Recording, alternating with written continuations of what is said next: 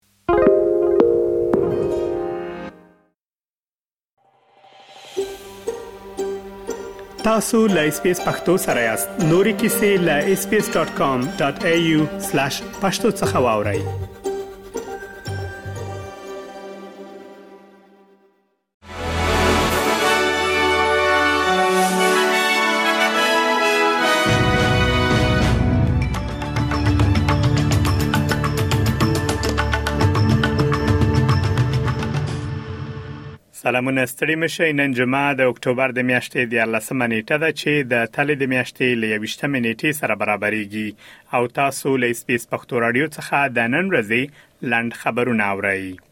له اسراییلو څخه د استرالیایي وګړو د تخلیې چارې دوام لري. د استرالیا حکومت وایي هڅه کوي ترڅو زیانمن استرالیان بیرته خپل کور ته راولي.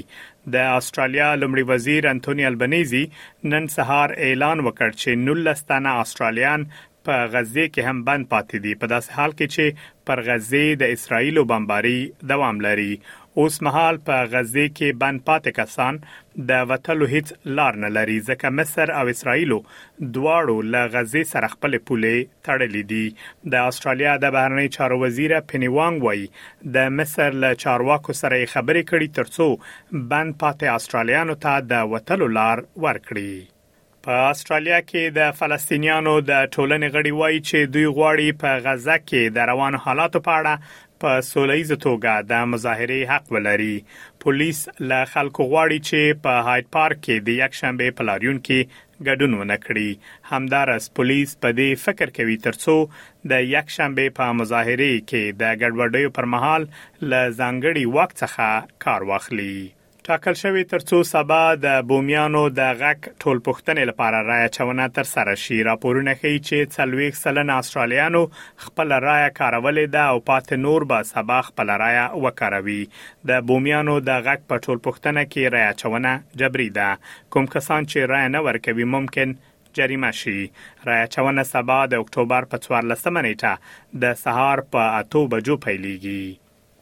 له ټولپوښتنې یو ورځ مخکې د استرالیا لومړی وزیر انتوني البنیزي له استرالیانو غواړي ترڅو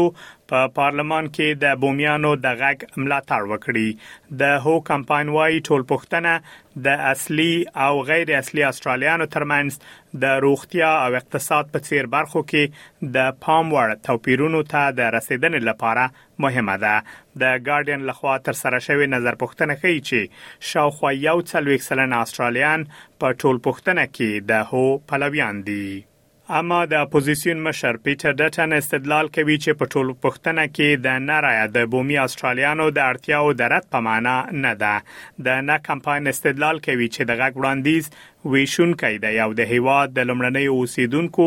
اړتیاو ته پام نه کوي. د اپوزیسیون مشر پیټر ډټن ناین شبکې ته ویلي، ډاډه دی چې خلک به په ټولپوښتنه کې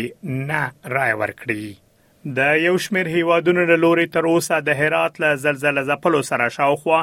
نهه میلیونه ډالره مرسته اعلان شوې. د ملګرو ملتونو د معلوماتو له مخې په دغو مرستو کې پنځه میلیونه یورو آلمان، دوه اعشاریه پنځه میلیونه یورو سویس،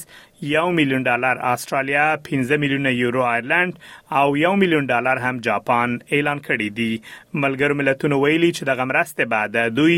د مرستندویه ادارو له لورې پر اغېزمنو خلکو ووېشل شي. دا و د نن ورځې لنډ خبرونه چې ما مجیب منیب تاسو ته وړاندې کړل. تر بیا مو الله مل شه.